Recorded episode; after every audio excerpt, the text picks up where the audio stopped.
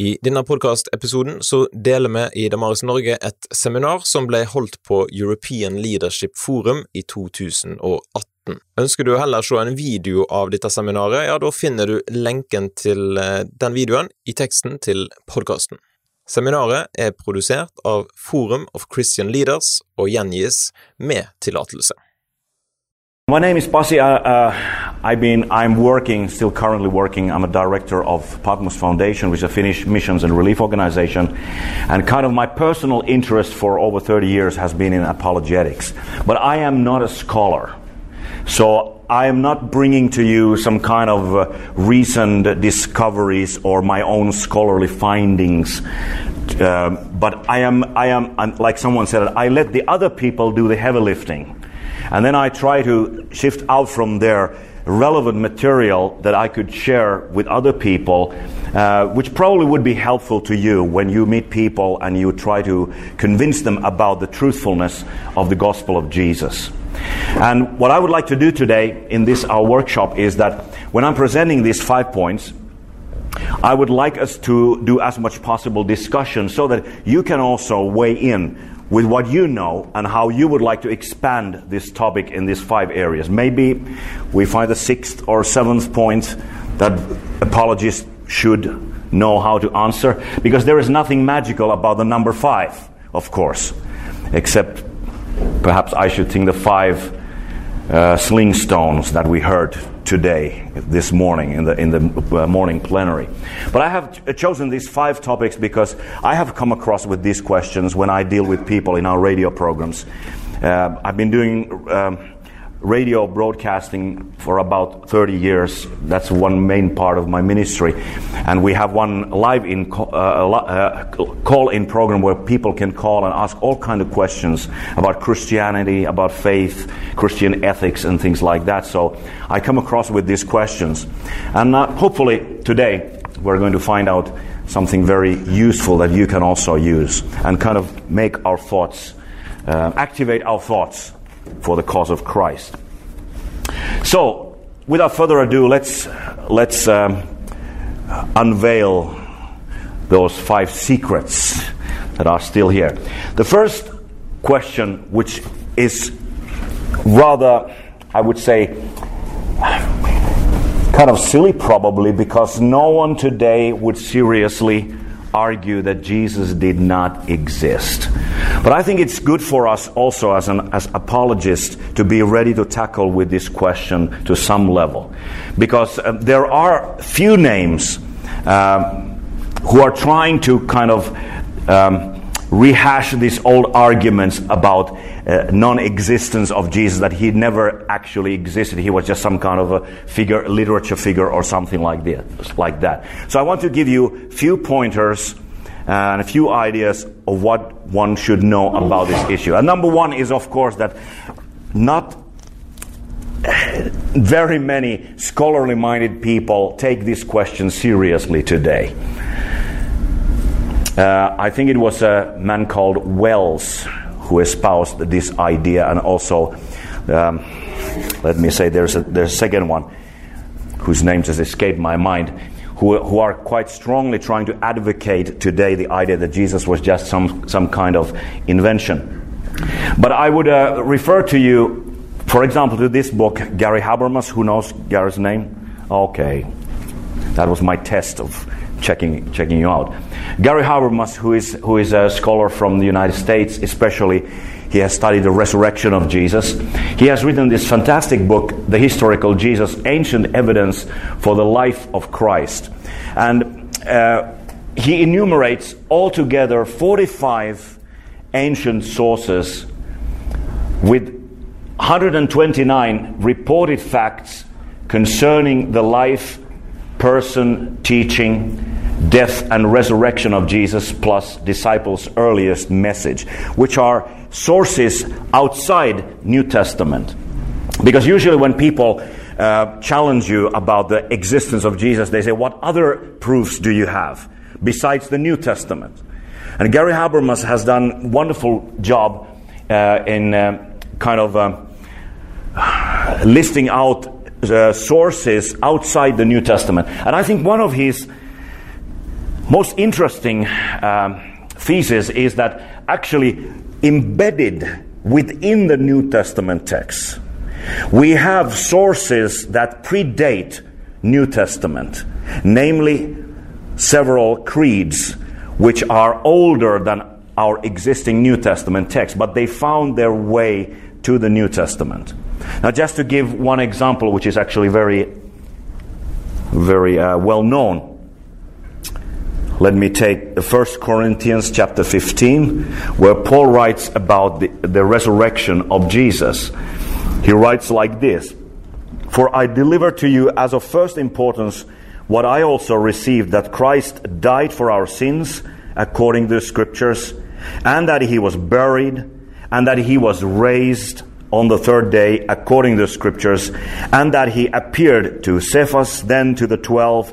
After that, he appeared to more than 500 brethren at one time, most of whom remain until now, but some have fallen asleep.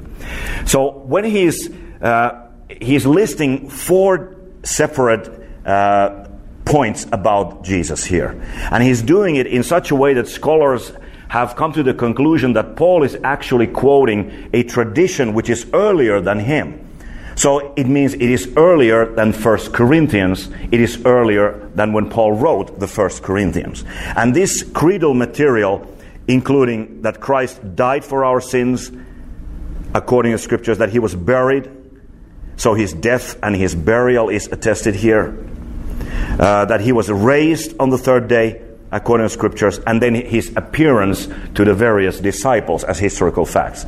So Paul is actually quoting material that he received which are older than our New Testament. So that's one of the interesting points that Habermas makes there, and he, he of course, um, shows the reader several of these kind of uh, hymns and, and creedal forms that you can find in the New Testament. Then, of course, we have archaeological proofs, which are not, of course, direct proofs because uh, we can't find any inscription that Jesus was here or something like that. But we have a plenty of archaeological material that kind of, uh, in a circumstantial way, point to the reality and the truthfulness of the Gospels.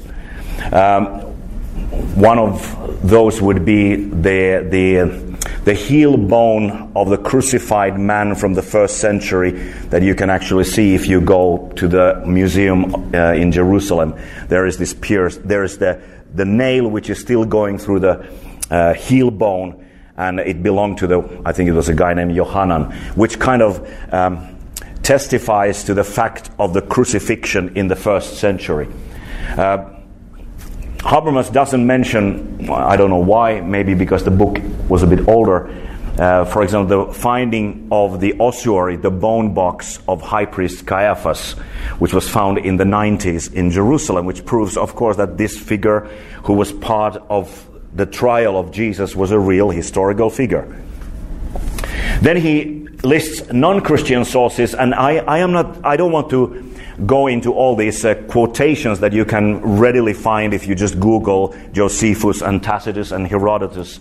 But of course, there are several mentions both in the Jewish um, uh, early sources, the, the, few that I mentioned, the Roman sources, which are, of course, various.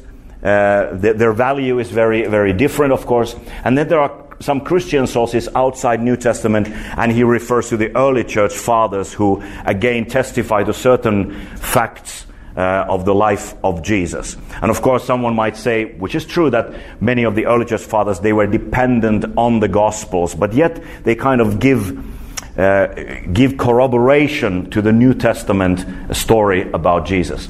And then here is, I think, a book that I want to recommend to you uh, a very scholarly book by Robert van Voorst, uh, Jesus outside the New Testament, where he goes very scholarly through all these various um, uh, ancient sources that speak about Jesus and, and, evaluates them. What is their historical value? Going through the Roman sources that I just mentioned, Thucydides, Herodotus, uh, then Jewish, Josephus, what does Talmud say about Jesus? Early Christian sources going then towards the Gnostic and heretic texts and apocryphal gospels, and he evaluates uh, the, the, information that we can get from them about Jesus. And of course, they are, they are of various values. But he makes this interesting point. Whether you think about uh, all the scholarly dispute that there exists about uh, Josephus or, or even the Talmudic uh, um, uh, material, there is this uh, Toledot Yeshu literature which was kind of um, polemics against the Christian faith, and you can get certain glimpses about Jesus there. He makes this interesting point that nobody in those early centuries came up with the accusation or an argument that Jesus, that Christians speak about, never existed. And I think that's a very interesting point. Because they could have very well made, the, if, if the story of Jesus was invented or that Jesus never existed, why nobody in those early centuries came up with this explanation? But they always took the early sources uh, seriously enough to fight against them or, or write polemics against Christians and their beliefs. Uh, Celsus, who was writing against Origen, is, is um, Origen, yes, Origen, um, is, is uh, accusing Christians to be very, uh, I say, uh, or Jesus was just some kind of a um, sorcerer or, or, or, misleading people. Uh, also in Talmud, Jesus is seen as some kind of a magician who learned his ancient um, arts and he was, he was misleading people. But they never came up with the explanation that Jesus was not a real historical person, which I think is a detail worth remembering. Then, these three books here to remind me of the three important uh, ideas. Richard Burridge has written What Are the Gospels, which is really a groundbreaking research about the genre of the New Testament and genre of the Gospels, particularly. And to make a long story short, there was a scholarly discussion about the genre of Gospels in the early um, 20th century and, and in the mid 20th century that said that, that we don't know what the Gospels are actually. We don't know. Their, their genre is kind of sui generis, it's some kind of a special kind of uh, genre. We don't know what it is. But the, the most definitely they are, are not biographies. That was the, what the critical scholars used to say. Now, Richard Burridge has certainly turned the tide in, in this uh, area of scholarship because he he has carefully detailed from the, from, from the old uh, uh, sources from antiquity that the Gospels follow the genre of the bios, biographical um, uh, genre of writing. Namely, that they were actually wanting, the writers wanted to, to um, write about the life of the person as a real biography. In certain edges of this gospel genre, it may go towards the historical writings, like in the Gospel of Luke, is probably somewhere between the, the, the, history and the biography. But they definitely wanted to write about the life of Jesus. So, if you want to write about the life of a person who lived, what kind of literary device would you choose? Well, biography would be an obvious possibility, isn't it? So I recommend that if you ever get it to your to your reading list. So what we can say today is that when we when we think about Jesus and his uh, him as a real person, is that Gospels are biographies of Jesus. They write about real living person. Bauckham has made an excellent case about Gospels being the eyewitness testimony about Jesus. And then there is this third one, which I, which let me show you one video because Lydia McGrew has made a very interesting case about what she calls undesigned coincidences in the Gospels and Acts, which underlie the fact that Gospels uh, are made of material that reflect eyewitness testimony. They are they, these undesigned coincidences are kind of um, uh, let's say that one gospel mentions something very incidentally, like just like in passing, and another gospel refers to that same thing, but also clearly in such a way that the writer is not copying the other writer, namely independently. For example, in the Gospel of John, we read that, um, that uh, Jesus is at the wedding, wedding feast at Cana, and there are six jars of, of water according to the Jewish purification customs. Now, no one, John doesn't go into details what does that actually mean.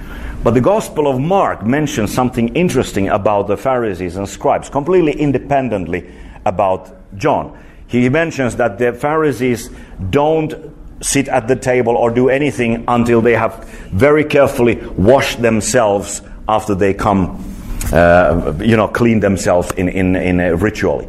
So clearly, those empty jars of water there at the, um, the, the Feast of Cana uh, they were empty because they had already ritually purified themselves, these, uh, these Jews. But let me show you a very short video clip that explains that explains to you a little bit on this and here I want to here is this one. What are the undesigned coincidences? And why I show this is to to try to again emphasize the point that that when we think about the question, did he ever exist? The Gospels are reliable sources, eyewitness. Uh, uh I'm sorry, I'm a little bit tired. The Gospels uh, are eyewitness testimony about Jesus. Welcome to the Woman Apologist. We interview the world's leading apologists to provide credible answers to curious questions. What are undesigned coincidences? Undesigned coincidences is when you have two independent historical accounts and they interlock in such a way that would be unexpected if they were just making the story up. Um, it's best explained by giving examples, so let me just give an example. Um, take, for example, in um, Mark 14, verse 58, and, um, and Matthew 26, verse 61, when Jesus is before the high priest, uh, Joseph Caiaphas, and the false witnesses step forward and they say, We heard this man say, I will destroy this man made temple and rebuild it in three days, but not by human hands. And then you'll notice nowhere in Matthew nor Mark or do we read the report of Jesus having actually said this or anything even approximating to this. And so it raises the question in the audience's mind what is Jesus actually saying? If you go over to John's Gospel, the independent non synoptic account, we read in John chapter 2, verses 18 and 19, when the Pharisees say to Jesus, What miraculous sign can you show us to prove your authority to do all these things? And he says, I will destroy the temple, this temple, and rebuild it in three days, of course, referring to his body. And so John actually gives us a pretext but not the later misrepresentations, and it uses an accusation. The synoptics give us the later misrepresentations, but not pretext. So you have this hand-in-glove bit, if you will. Just to give one more example, in John chapter 6, you have the feeding of the 5,000, and Jesus turns to Philip to say, Where should we send these people to buy bread? And it raises the question in the audience's mind why would he turn to Philip? Because Philip's a pretty minor character in the Gospels. Why not turn to Judas, who's in charge of the money, or or, Matthew, the tax collector, or someone like that. Well, if you read in John chapter 1 and John chapter 12, you learn that Philip was from a certain town called Bethsaida. But we learn from Luke's account in Luke chapter 9 that the event of the feeding of the 5,000 takes place in Bethsaida. But Luke doesn't tell us he turned to Philip, it just says he turned to the disciples. So you have this hand in glove fit, this undesigned coincidence, if you will, which suggests that this narrative has a ring of truth. On, on its own, one example of this undesigned coincidence might not be compelling to convince you that the New Testament is generally reliable, but if you have a network of these undesigned coincidences. It forms a consilience evidence, or a cumulative case, if you will, for uh, the historical veracity of Scripture.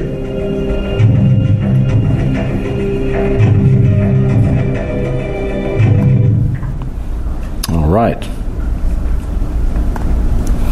That is a fascinating thing. I really encourage you to, to familiarize yourself with these un, um, un, uh, undesigned coincidences. Okay, I'm not going to go into these details, but you all know probably about the, the textual integrity of the New Testament.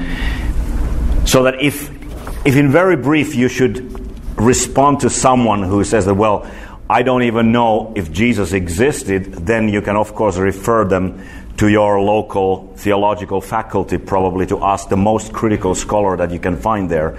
And they will probably defend the historicity of Jesus to them. because no one seriously doubts that Jesus ever existed. And we have very, very well attested New, uh, New Testament manuscripts, which brings us to the generation of eyewitnesses.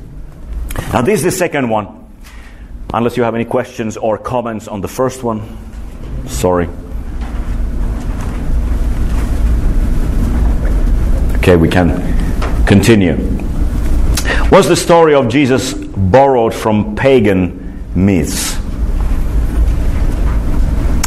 There was a time somewhere in the 60s when, in theology, there was the school of uh, history of religion school, when uh, the, the critical scholars tended to explain everything in the New Testament or ev- everything in the Christian faith as having been borrowed from mystery religions or from other outside sources. And this uh, thought kind of made a popular comeback after it was totally discredited in the academia, actually.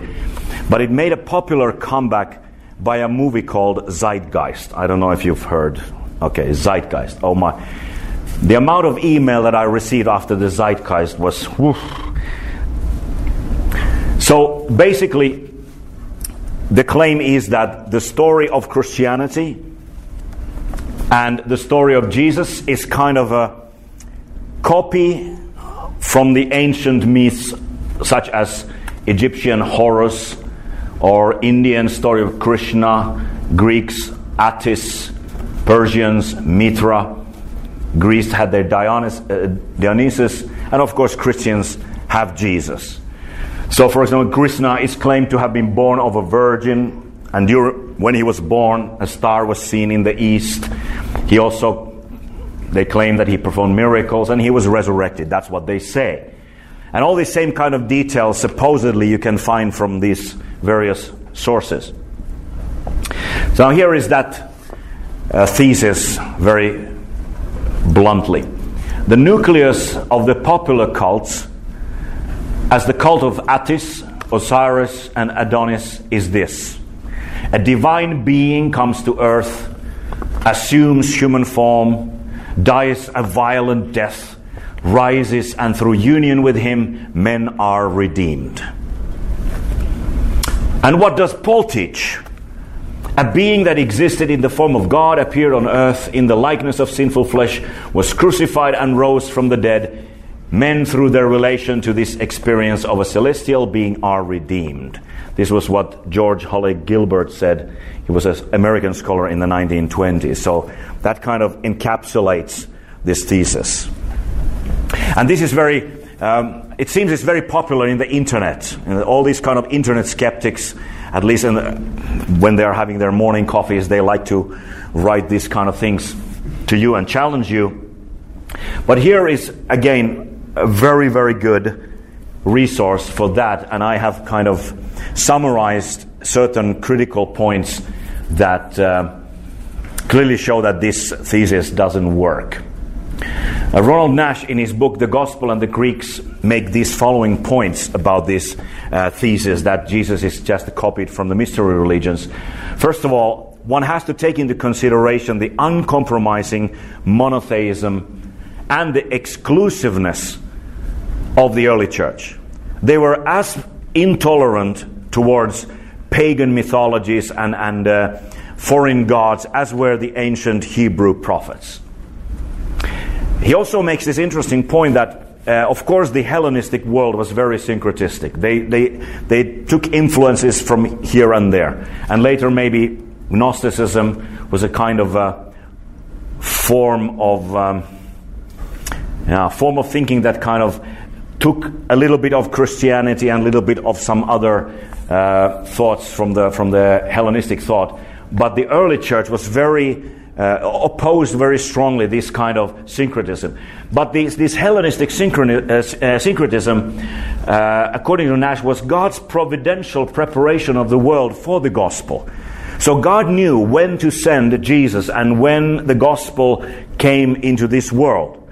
So people were very open, at least more open than in earlier times. But it did not uh, affect the monotheism and the exclusiveness of the early Christianity.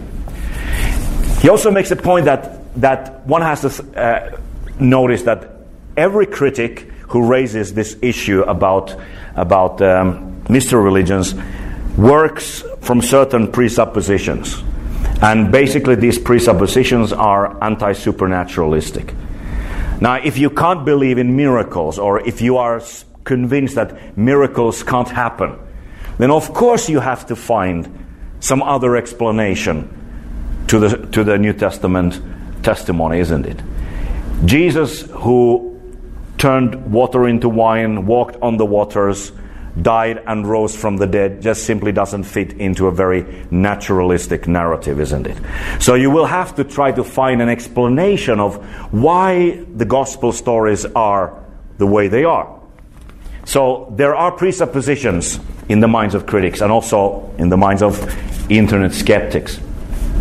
And one has to notice that the big problem with all these claims about Jesus being a copied from mystery religions or ancient myths is this that many times these claims that I just showed you in that one mosaic there, uh, it's a kind of a composite image where you take one um, feature from one story, another feature from another story. And in the end, you may have five, six, or seven features, and you lump them to, together, and lo and behold, you can find them all in the story of Jesus. And now you claim that, look, the story of Jesus just kind of put all these things together. But they are based on oversimplifications, exaggeration, and sometimes outward, uh, outright invention. And they are based on secondary, not primary sources. Now, if you go and read the stories yourself, for example, I remember I went through the stories of Krishna. There are basically two sources about the life of Krishna. Uh, I am sorry, I don't know how to pronounce those Indian sources, but there are two of them. And uh, Dr. Edwin Bryant, who is the professor of Hinduism in one of the uh, universities, says that these sources are variously um, or, let's say that these sources are very late. They are f- from somewhere uh, from the fourth or fifth century, and most likely from the uh, 11th century after Christ. So you have the problem of the timing of these sources. And he also says that if anybody get, got any influence, then it is definitely not that the story of Krishna influenced Christianity it's the gospel that was spreading all over the world that influenced the stories of Hinduism, which eventually found their way into the sources that tell about Krishna. So, when you hear about these fantastic claims that, that uh, Attis or Horus or, or some other ancient figure has the same, uh, same features as Jesus, then you always have to ask where are the sources? And usually they are very late. Very late sources, the direction of influence is usually the other way around, most likely.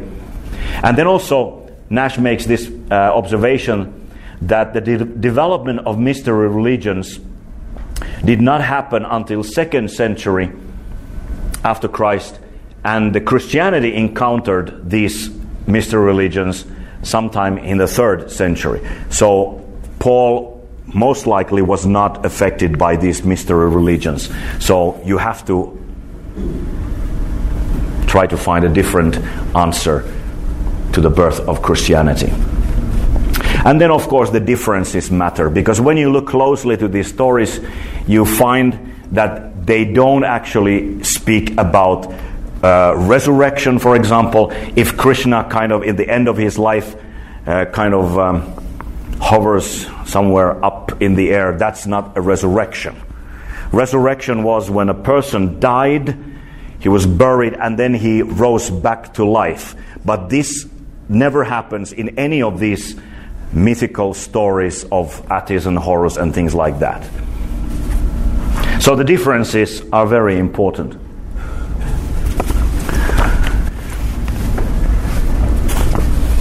Okay.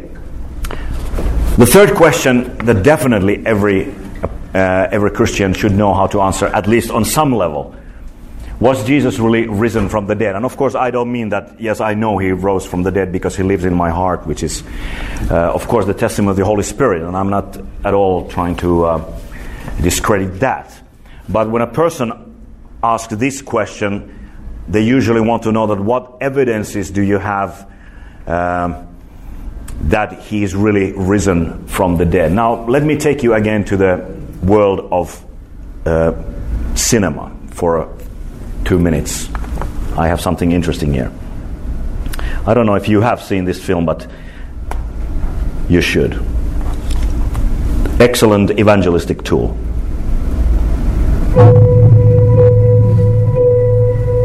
I serve the Roman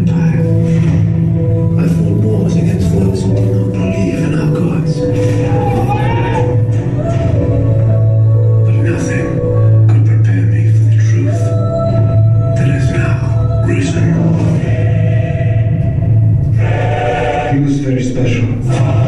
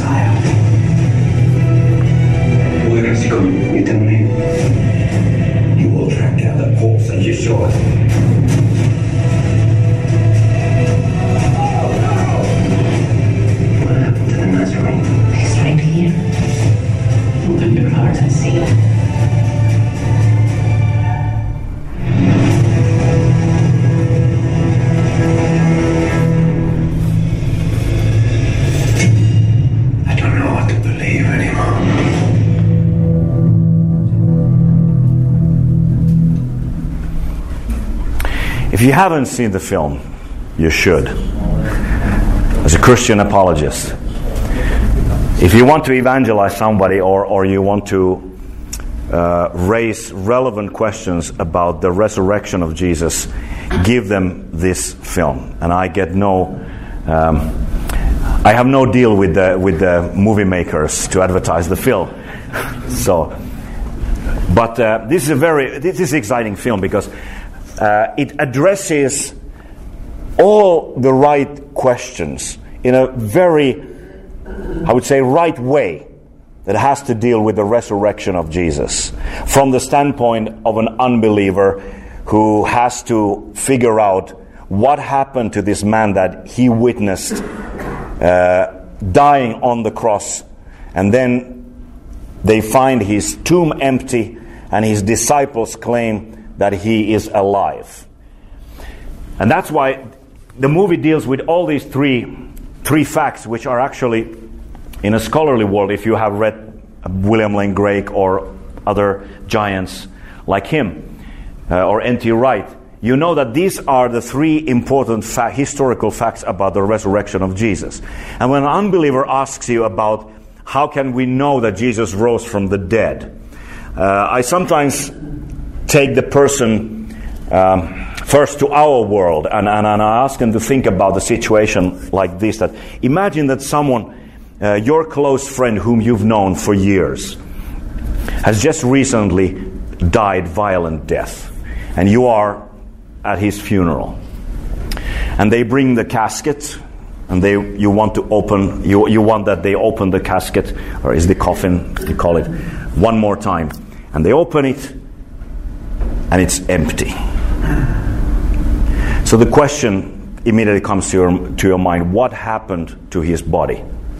So, did the pastor or the parish did they mess up somehow the casket? Was it the wrong casket, isn't it? Or did somebody remove the body? What happened to the body? There's a confusion. And then someone comes to the parish where you are. Uh, you are with the people trying to solve this mystery and says that, look, I was just sitting with this person. We drank coffee. We talked about, about his life. We thought he was dead, but now he is alive. And you start thinking, well, that is very strange indeed, isn't it? But then, if more people, and finally even yourself, you meet that person, who died violent death, you may be ready to believe that actually he is raised from the dead. He's come back to life. And then you remember, oh, yes, but didn't he say that something like this would happen a few days after he's gone? So that is the kind of the, the, the psychological world of the disciples when they meet these three things, or two things. Empty tomb. It is a historical fact that the tomb was found empty three days and three nights after Jesus had been crucified. Secondly, that he appeared, or his disciples, in various places, independently from one another. They had experiences where they saw Jesus. They believed that they actually saw this man alive. Now you have to explain these two facts, and you have to explain the third fact, which is that how come the disciples started to believe that the man who was previously dead is now alive? This is simply a historical question that demands an answer. N.T. Wright makes interesting point in his massive volume about the resurrection. He says that whereas the idea of resurrection was rather peripheral in the Jewish thinking, there the resurrection it, when it happens, it happens somewhere in the end of the world, and everyone are raised together. But in Christianity, the resurrection moves to the center of whole belief system. There would be no Christianity without belief in the resurrection, and particularly a resurrection of one particular person, namely Jesus, who was eschatologically raised from the dead on the third day. What accounts for this change in a Jewish thinking, which still is very typically Jewish way of thinking about resurrection? So you need to explain the origin of disciples' belief that Jesus rose from the dead. And how is that explained best, if not with the empty tomb and postmortem appearances which prove that Jesus actually rose from the dead. And that's why they came to believe that he is alive. And then the classic faith versus science. Now, here we, I think I would like to open more floor for discussion because this is a, cert, is a one question. I have one more. One question that always comes up Hasn't science proved there is no God? And I think usually people think about the debate between evolution versus creation. So that when we, the science supposedly has now discovered the mechanism that explains that we don't need God. So, doesn't that prove that God doesn't exist? And of course, the intelligent design movement has come up with, a, uh, first of all, challenging the, the, the simple, simple um, Darwinian mechanism of, of random mutations and natural selection, showing that, that that is not a viable solution of how organisms evolve. So, the question about design is back on the table. Then the famous God of the gaps versus science of the gaps, namely that Christianity, uh, this is more like a claim only that, that uh, the more science advances, the area of faith gets smaller and smaller. Kind of science um, drives God out of his of these gaps of ignorance. But of course, then we notice that also science has certain gaps, and people have certain. Uh, faith, a childlike faith in the almost um, unlimited possibilities of science to explain everything. And in those areas where science does not explain something or, or, or uh, where other explanations are more viable, we can always just have faith kind of eschatological expectation that one day science will explain everything. But then we have the problem, what I call the problem of the mind. Of course, philosophers call the problem of the mind, call it the problem of the mind, namely that although I can be sh- certain about my own thoughts and my own mind, I cannot be completely scientifically certain about your minds, but I just have to believe that you are similar persons with the same kind of rational minds that I am. Because you can't prove scientifically other minds. I am just aware of my own thinking. And it challenges the materialism also in other ways because, because thoughts are not material. Now, if you think, for example, um, what could you think? You could think, think about your dream house right now. Think about it. Just, just imagine it in your mind. How many floors and things like that. Now, if we would open your head, where would that house be? It most definitely is not in your head. It's not in your brains. No one else would see it because thoughts are not material things. Material objects have weight, they have, you know, they are their width and, and depth and all these kind of things. But thoughts are not material things. They exist not in your brains, they exist in your mind. And that is a kind of proof of, of soul, I would say. How do we know what we know? Science can't explain everything. People think that science has proved that there is no God, but the problem is that there are things which are beyond capabilities of science to explain. Because there are other ways of knowing things besides just putting them in a test tube. And then the near death experiences, which is actually. Um,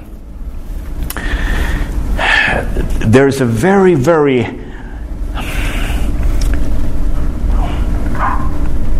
how, how do you say it in English? I mean, there, there, it's bubbling all the time. The, the, the, research in the near death experience is, is really going hot these days. Because more and more people are telling about their experience, that, experiences of being clinically dead, and yet they have been aware of their surroundings, even when their brain functions have been zero. So you cannot explain them away by referring to some kind of uh, oxygen deficiency in your, in your brain or some kind of uh, subconscious uh, um, part of, or some part of your brain producing some kind of hallucinations when in some instances brains were not functioning at all and this person was aware of his surroundings or her surroundings very uh, vividly. And, uh, and one um, how I would say a, a, provocation there is Shroud of Turin. I have a friend who is uh, one of the top uh, anthropologists in Finland uh, whose specialty is in uh, revealing um, the documentary and other kinds of forgeries. And he has done extensive study on the Shroud of Turin, the international, international uh, study on, on the burial cloth of Jesus. And he says that uh, that it is the most um, studied relic and object in the whole human history. If any other object would have been uh, subject to such a scrutiny as the Shroud of Turin, they would have long ago said that, of, of course, it is authentic. But because there is the possibility that it is the burial cloth of Jesus, that's why there are still those die-hard people who won't accept it.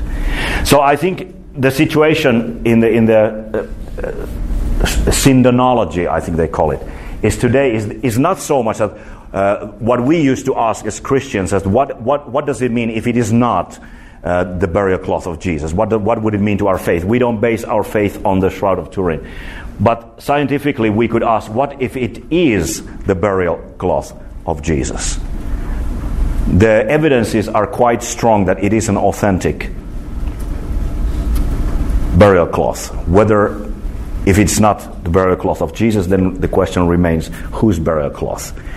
But all the details match very well. And this I say without basing my faith on the Shroud of Turin, of course, but I would say that it is, it is something worth, worth uh, knowing about. Yeah. Okay, let's take the last one. And uh, here I would like to also open up a discussion on this one because uh, I think this is a challenge that comes up more and more because of the influence of new atheists. Namely, is God immoral? How do you explain the ethics in the Bible? If God exists, then what, what kind of God would command genocide of Canaanites? Now, I would immediately challenge the whole term genocide here, but we can come to that. Uh, then there is a claim that you can't draw your ethics from the Bible. The Bible is not applicable in modern times.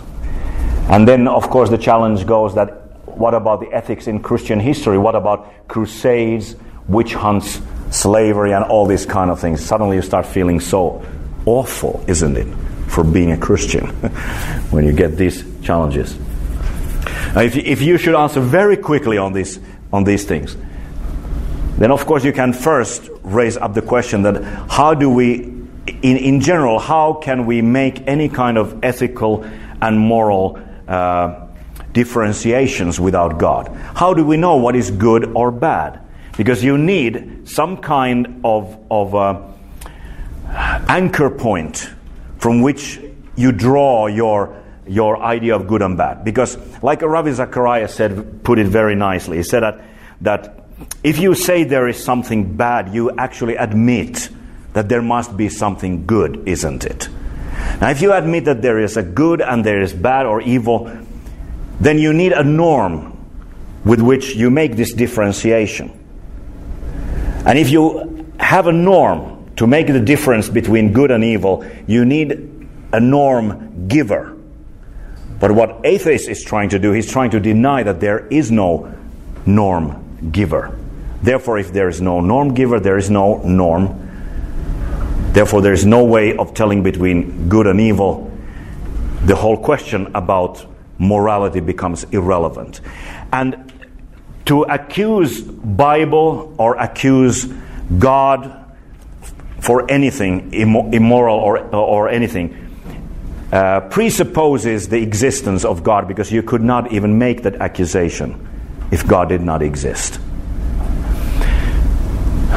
Now, what do you say to a person who brings up the idea, of, uh, the accusation about genocides in, of Canaanites.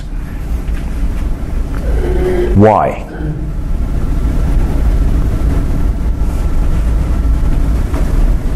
Maybe if we had our our friend and brother uh, Paul Copan here, he he would give you a fantastic lecture on this idea. And His book is God a Moral Monster is definitely a, a, a read in this area.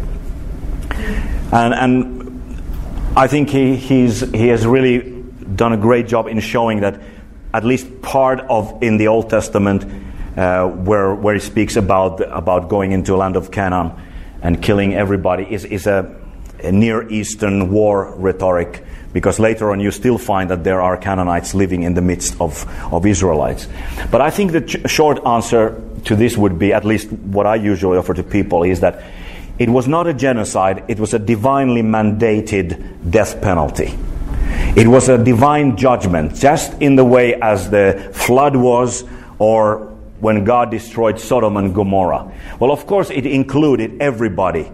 The command of God, the judgment of God included everybody, just like in the flood or in the, in the, in the Sodom and Gomorrah. And God has right to do that because we are sinners.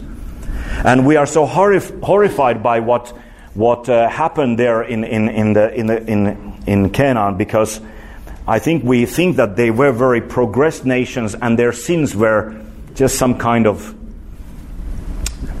Yeah, their, their sins were not so serious.